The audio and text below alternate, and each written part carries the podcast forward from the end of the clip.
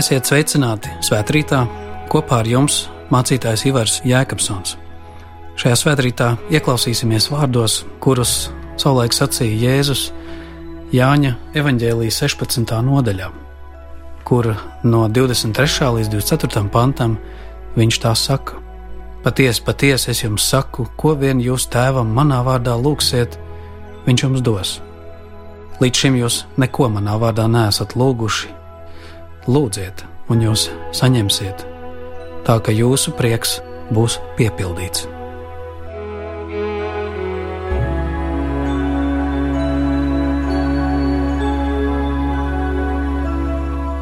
Mēs lūdzam tevi, Kungs, Dievs, svētī mums šo tavu vārdu.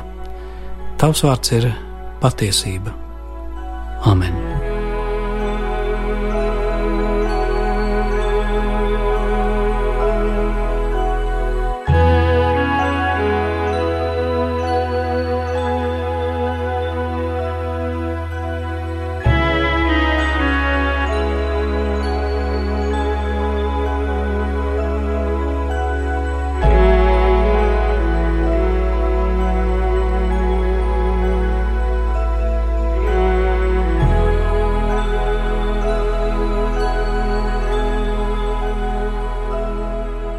Jēzus šajā raksta fragmentā saka, ka jūs saņemsiet piepildītu prieku, piepildītu prieku lūgšanā viņa vārdā. Mirkli padomāsim, vai mums ir prieks par lūgšanu, vai mums ir prieks par pavadīto laiku, nu, piemēram, kādā garīgā pasākumā. Parasti liels prieks, tāds sajūsmas pilns prieks, mēdz būt par daudzām citām lietām, nevis par kādu garīgu nodarbi, kas dažām šķiet bezjēdzīga un garlaicīga. Tomēr šīs laicīgās lietas, piemēram, kāda uzvara sacensībās, vai arī kāda liela peļņa, vai kāds laimests, nevienmēr ir tāds paliekošs un piepildīts prieks. Nu, piemēram, kāda liela mantojuma īpašniece varējusi peldēties turpat vai savā bagātībā un naudā, Un dzīvē viņa ir gājusi raiba un rūtaini, ja tā varētu teikt. Septiņas reizes bija precējusies ar skaistiem vīriešiem, taču dzīves otrajā galā pēc daudzām tādām personīgās dzīves neveiksmēm viņa daudz slimoja un tomēr īsti neatrada paliekošu piepildījumu. Kad viņa nomira, laikraksta ziņoja, ka nabaga bagātā meitene ir mirusi. Tāds īsts stāsts, kas dažkārt ir diezgan raksturīgs laicīgu labumu postam, kā var kāda cilvēka dzīve noiet greizi, kas, protams, nav absolūti ikvienam un visiem, tomēr parāda tādu dažreiz jauniešu vidū paustu ideālistisku patiesību, ka mīlestību un veselību galu galā nevar nopirkt ne par kādu naudu. Tāpat arī prieku, tādu paliekošu prieku nevar radīt kaut kā mākslīgi, ķīmiski. Bet mēs varam piebilst, ka tomēr īstu prieku varēs uzdāvināt un saņemt kā dāvanu no augšienes, kā dāvanu no augšienes lūkšanā, dieva tuvumā, esot tādā īpašā tuvumā dievam. Jā, varbūt iespējams daudzi no mums, mīļie klausītāji, nevarēs līdz galam piekrist un noticēt, ka prieks mums tiek dāvināts lūkšanā. Iespējams, daudziem ar lūkšanu saistīta kāda rūkta pieredze, un tāpēc esam tik maz laika pavadījuši lūgšanās, vai arī tās ir apdzisušas pavisam. Tā tāda vilšanās sajūta, ka dievam esi kaut ko konkrētu lūdzis un nav piepildījies, ka slimība ir turpinājusies, darbs ir ticis zaudēts, attiecības sabrukušas, un nāve tomēr ir atnākusi, neskatoties uz to, ka esmu prasījis dzīvību. Bet iespējams, ka tajā brīdī cilvēks ir pārpratis, ka lūkšanas galvenā nozīme nav tikai saņemt, kaut ko, ko es gribu, bet lūkšana vispirms ir dieva tuvums, un lai kas notiktu, tajā vienmēr ir kāda jēga un svētība, pat tad, ja es esmu ieguvis daudz vai zaudējis visu. Bet tajā rūkuma, egoistiskajā vilšanās sajūtā rodas tāds spriedums, ka kādēļ vispār lūgties, jo Dievs tāpat maz ko uzklausa. Tā ir tāda sliktu attiecība ar Dievu raksturojoša lieta, kad mēs redzam ka lūkšanas kāda cilvēka sirdī ir bezjēdzība. Ieklausoties šīs dienas tekstā, mēs varam ieraudzīt arī to, ka iespējams, ka prieks nav tikai vienkārši kaut ko saņemt, bet prieks var būt pati lūkšana, pats Jēzus vārds, pati Dieva klātbūtne lūkšanā. Kā viņš saka, ko vien jūs tēvam manā vārdā lūgsiet, viņš jums dos. Līdz šim jūs neko manā vārdā nesat lūguši, bet lūdziet, un jūs saņemsiet tā, ka jūsu prieks būs piepildīts. Vispirms es gribu teikt, ka nav tādas lūkšanas, kuras Jēzus dēļ nebūtu uzklausītas vai piepildītas. Mēs varam tikai sacīt, ka atkarīgs viss ir no tā, ar kādu statusu un ar kādu attiecību nastu es nāku pie Dieva. Vai es nāku pie Dieva kā Dieva bērns, mīlēts un gribēts, vai es nāku kā svešinieks, kurš tikai pieprasa, un tur būs visticamāk divi dažādi rezultāti. Jā, ko īsti nozīmē lūgt Dievu Jēzus vārdā, Savulaik īpaši raksturoja viens no slaveniem atmodas sludinātājiem Čārls Spērģens līdzībā par kādu nabagu un bankas kvīti, ko viņam iedod kāds bagātnieks ar viņa parakstu. Un, protams, šis nabaks varētu doties uz banku ar bažām, vai viņš vispār tur ielaidīs, jo kā gan viņš tur izskatās. Bet, kā izrādās, nozīme nav, kā tu izskaties. Nozīme nav tam, ko tu būtu pelnījis vai nē, bet ja tavās rokās ir kvīts ar bagātu cilvēku parakstu, un kurais tā visa ir arī nopietns šīs summas segums, tad neviens bankas darbinieks nevarēs tevi aizkavēt un liekt tev to bagātību saņemt. Citiem vārdiem sakot, Čārls Peržens raksturojot lūgšanu Jēzus vārdā, lieto to, ka uz bankas dokumenta vārdam ir nozīme. Un ja tu nāc savā vārdā, tu esi un paliec pliks nabaks. Bet ja tu nāc šī bagātnieka vārdā, tad tu esi bagāts. Un ja tu nāc pie Dieva tikai savā vārdā uz savu taisnību, tad tu bieži vien arī paliec tur, kur esi. Jo kaut kādi grēki tevi šķir, Dieva taisnība tevi neapsedz un žēlstība tev nepiepilda. Bet ja tu nāc Jēzus vārdā, Jēzus vārdos, ko viņš pats ir solījis, Jēzus piedošanas žēlstībā, tad tu esi pilnīgi citā statusā Tad tu nāc kā dieva mīlēts, gribēts, Jēzus pievests bērns. Tas varbūt ir līdzīgi kā ko nozīmē, kad kāds zars saņem spēku no stumbra, kā tas piepilda vīna koka zarus. Tā tas nozīmētu arī lūgt Dievu Jēzus vienotībā. Tas nozīmē ne tikai būt vienotībā ar Jēzu formāli, bet nozīmē lūgt tādā izpratnē un garā, kā to Jēzus saredz. Tas nozīmē savā sirdī lūgties ne tikai savās šaurajās interesēs, bet līdzīgi Jēzum, tu esi gatavs sacīt: Tavs prāts, lai notiek, tu, Tēvs, zini labāk un redzi tālāk, un es ar mīlestību to pieņemu. Un iespējams, bieži tieši šī nespēja saredzēt dieva spēku un dievu prātu var radīt sajūtu, ka lūgt ir bezjēdzīgi un ka tas ir tāds zemē nomests laiks. Katrā ziņā mēs saprotam to, ka lūgt nenozīmē vienkārši saņemt, ko es gribu, bet saņemt daudz vairāk, ko Dievs man ir no mūžības uz mūžību paredzējis, un tās ir tādas lielākas lietas. Piemēram, Mārtiņš Luters iesaka dažas lietas, kas varētu arī mums katram palīdzēt lūgšanu dzīvē. Un tad pirmais vārds, ko viņš iesaka, ir nešaubies. Nešaubies, ka tu lūdz, citādi taču tu Dievu pataisi par meli. Ko īsti šie Lutera vārdi varētu nozīmēt? Ka, ja mēs nākam pie Dieva un sakam, varbūt Viņš mani nedzird, varbūt neuzklausa, varbūt Viņš man ir pārstājis mīlēt, tad par ko es Dievu uzskatu? Ja es balstu Dieva palīdzību tikai savās kādās šaubās vai interesēs, tad es viņu patiesībā savā sirdī ar savām šaubām nomelnoju. Es pataisu Dievu par zemisku vai nelietīgu, šaursirdīgu vai ļaunprātīgu, un pie tam vēl meli, ka viņš to, ko viņš sola, piemēram, nepildīs. Citiem vārdiem sakot, nākot pie Dieva Jēzus vārdā un Jēzus ticībā, mēs varam nākt ar lielāku paļāvību, ka mums ir dots apsolījums uzklausīt un piepildīt mūsu dzīvi ar pilnīgu svētību un prieku.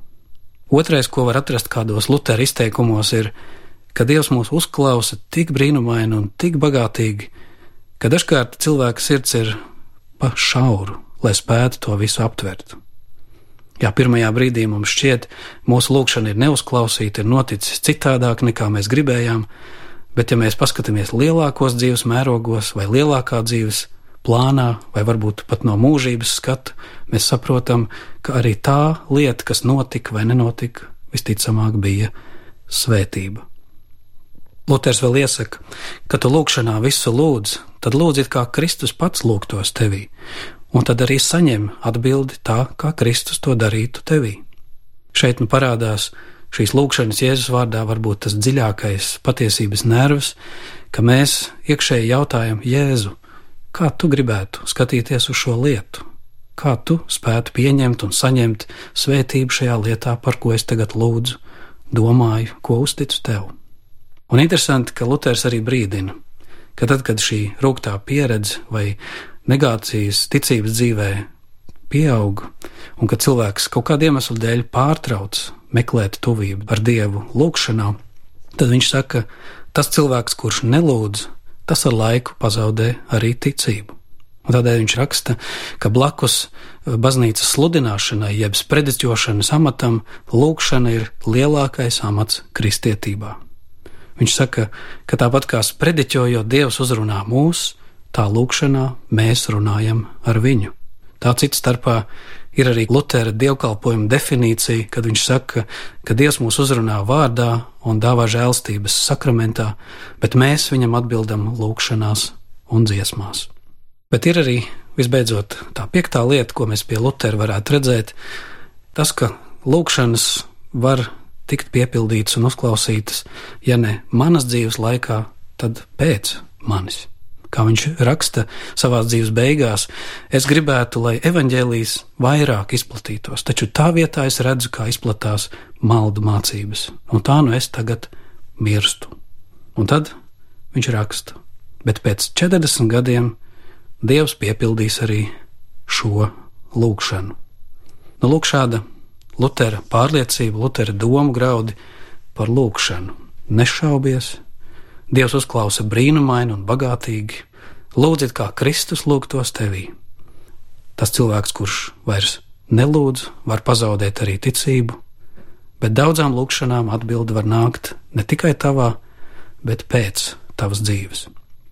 Un tāpēc mēs varam sacīt, nekad nav veltīgi lūgt par Latviju, nekad nav veltīgi lūgt par savu ģimeni, par savu dzimtu, jo vienalga, pat tad, ja šajā brīdī varbūt uzreiz lietas nav iespējams izkārtot tā, kā liktos būtu vislabāk, tomēr ar laiku izlīs pār mums visiem debesu svētība, lietus un dieva gaismas saule. Bet vēl vairāk, sperot vienu soli uz priekšu, mēs varam sacīt, ka Kristīgā cerība lūkšanā māca ne tikai sasniegt kādus mērķus un efektīvi lūgties, tā ka pat slimie tiek dziedināti un problēmas tiek atrisinātas un kalni tiek pārcelti, kā simboliski runā pats Jēzus par ticības spēku, ka īpaši lūkšanas svētība ir arī spējā tikt pāri un palikt pie krusta un nest to ar dievišķo spēku, jeb paciest arī ciešanas, kas dzīvē varbūt nav maināmas. Tāds īpašs piemērs ir par sveiciešu pedagogu Johanu Henrihu Pestalociju, ka viņam esot bijis vienīgais dēls, kuram pie tam bija tā saucamā krītamā kaite, jeb epilepsija. Un tad viņš apraksta savā dzīves stāstā, ka tas toreiz bija pašā dienvidū, kad saules stari spīdēja īpaši karsti. Es vairs nespēju noskatīties, kā šodien ar manu dēlu tas notika jau trešo reizi. Un pie tam vēl pie visa nāca klāt arī tas, ka viņš kliedza no savām sāpēm. Un tas man tā pārņēma. Viņš saka, es tajā brīdī vairs nezināju, ko daru, es neko nesapratu, ko gribu vairs, bet kā tādas vētras pūsts, es tiku nomests uz ceļiem un lūdzu ar tādu balss spēku, kas pat zēnu sapurināja.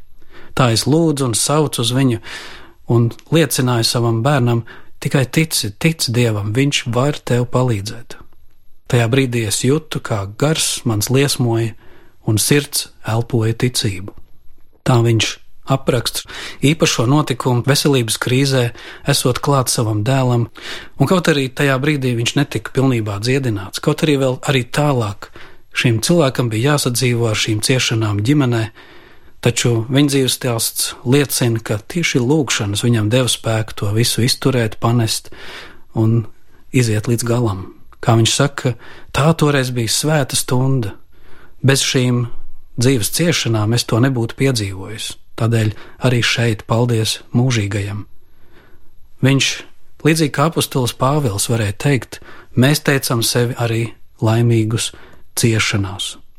Un proti, kā Henriks raksta, visas ciešanas, kurās cilvēks dievu un savu tuvāko tā pa īstam mīl, tās nepadara cilvēku nelaimīgu, bet stiprina un padara vēl stiprāku arī pāri un par spīti visām bēdām un raizēm. Kā viņš saka, ak, Dievs, vai tad lai tevis tagad vēl atstāju, tu, kas visu esi devis manam labumam, manai pilnīgošanai? Nē, es priecājos arī savās ciešanās. Tās ir mana laime. Jā, lūk, kaut arī dzīvē netrūkst brīnumaini uzklausītu lūgšanu, kur pat Pāvils, kuram bija dāvana pat slimos dziedināt un pat uzcelt vienu mirušu jaunieti, viņam pašam bija jāmācās sadzīvot ar dzeloni miesā, kā raksti saka, un kungs viņam sacīja: Tev pietiek ar manu žēlastību. Lūk, Pāvils rāda, ka cilvēka nespējā dieva spēks tomēr ir varens. Nu, lūk, lai kā būtu mūsu lūgšanas pieredzē, Jēzus vārdā mēs esam Dieva tūmā, un lai kāds būtu atbildes, lūkšanas laiks nekad nav veltīgs, tā vienmēr ir svētība, lai kāda būtu mūsu dzīves situācija. Tā dod spēku panest, tā dod spēku pārvarēt. Tādēļ arī mums ir svarīgs atgādinājums un aicinājums lūgt Dievu un aizlūgt. Caur to pasaulē var ienākt tūkstošiem svētību, Tādēļ mums ir aicinājums lūgt par pasaules dziedināšanu, jo tā vēl aizvien asiņo tūkstošiem vainās, brūcēs un negācijās un vardarbībā. Mums ir aicinājums lūgt arī par pašu baznīcu un atzimšanu un atjaunošanos un vienotību, jo tā nereti ir pagurusi, pat atkritusi, pat sašķēlusies. Mums ir Jālūdz arī par visu apsolījumu piepildīšanos mūsu dzīvē, kuras Dievs ir devis, jo daudz ko no tā esam aizmirsuši un varbūt pat nezinām, jo neesam ne lasījuši, ne interesējušies, ko Dievs, ko Dieva vārdi, ko Jēzus mums apsola. Mēs bieži vien lūdzam un ar tukšām rokām paliekam, neredzēdam, cik daudz Jēzus mums ir devis, un iespējams, ka tieši šī reize var iedrošināt mūs iet jaunā kvalitātē, Dieva tūmā, ar lūgumu tieši Jēzus vārdā, Jēzus garā un patiesībā. Un tādēļ gribu vēlreiz un vēlreiz atgādināt, ka neviena lūkšana nav neuzklausīta, kas ir no sirds un pa īstam, ka Jēzus vārdā un garā mums ir doti brīnišķīgi apsolījumi, un ka pat šīs pasaules ciešanās, pat slimībās un nāvē tieši lūkšanā vēl aizvien paliek mūsu īstais prieks, īstā bagātība un svētība. Pati lūkšana ir pilnīgais prieks visās situācijās kurās mēs meklējam un atrodam patvērumu. Līdzīgi kā mācekļi, kas uzkāpuši kopā ar Jēzu Tabora kalnā un redzēja viņu apskaidrot lūkšanā, un Pēteris sacīja: Kungs, mums ir labi, šeit mums ir labi, Dieva tuvumā, Dieva azotē. Jā, tas ir tas miers, ko nedod pasaule, ko nevar nopirkt. Tas ir tas miers, par ko Jēzus saka: Es jums dodu, es pasaulē esmu uzvarējis. Kā mīļotie bērni griežas pie saviem vecākiem, tēva un mātes, vēl vairāk mēs varam iet pie debesu tēva Kristus vārdā kā dieva bērni. Mēs varam viņam uzticēt visas savas rūpes, un viņš, kurš ir no mūžības uz mūžību, zina labāk un redz tālāk svētības, kam jānāk pār mūsu dzīvi. Viņam ir gods un vara. Viņš mīl mūs, viņš gaida mūsu lūgšanas, lai mums, mūsu dzīves vētrās, dotu mieru un pilnīgu prieku. Āmen!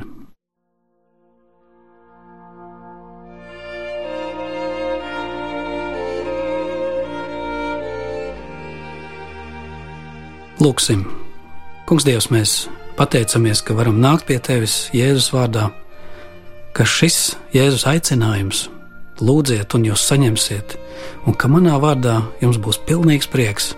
Tam ir kāda nozīme mums katram ka mēs varam saņemt īsto lietu īstā laikā, un ka lūkšanā mēs nevis sakām tev priekšā, kas mums būtu vajadzīgs, bet visām savām lietām parādām tavu prātu, tavu gribu un tavu svēto skaidrību. Ja mēs lūdzam par visu pasauli, par mūsu zemi un tautu, par mūsu baznīcām un draugiem, lai aizvien lūkšanas, miera, prieka gars aug tajā ka caur to mūsu dzīvē var ienākt tūkstošiem svētību, kurā mūsu dzīves top stiprinātas, dziedinātas un atjaunotas. Svētī mūsu tautu, mūsu ģimenes, mūsu darbus, mūsu mērķus un arī mūsu tuvojošos plānus, kas attiecās arī uz pašvaldību vēlēšanām. Kungs arī tajā visā tava svētība, tavs prāts, lai notiek, un palīdz mums arī par to lūgties, lai tas viss pagodinātu tevi un būtu par svētību mūsu zemes tautas uzplaukšanai un garīgai pilnībai un patiesai svētībai un priekam. Kungs Jēzu, vēl daudzas lietas mums katram personīgi būtu ko tev uzticēt, tavā vārdā, kad mēs griežamies pie tēva, bet visas lietas mēs izsakām tajā lūkšanā, ko tu, Kungs Jēzu, pats mums esi mācījis. Mūsu Tēvs debesīs Svētīts lai top tavs vārds, lai nāk tava valstība, tavs prāts, lai notiek kā debesīs, tā arī virs zemes. Mūsu dienascho maizi dodi mums šodien, un piedodi mums mūsu parādus, kā arī mēs piedodam saviem parādniekiem. Un neieved mūsu kārdināšanā, bet atpestī mūs no ļaunā, jo tev pieder valstība, spēks un gods mūžīgi mūžos. Āmen!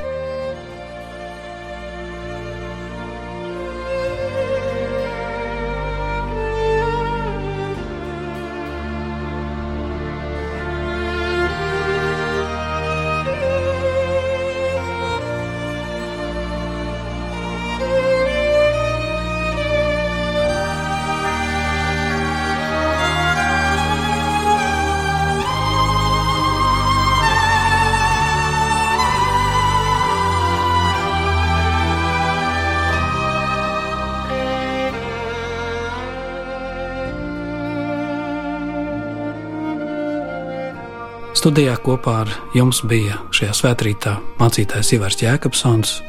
Dievam Tēvam, Dēlam un Svētajam Garam, lai ir gods, vara un pateicība mūžīgi.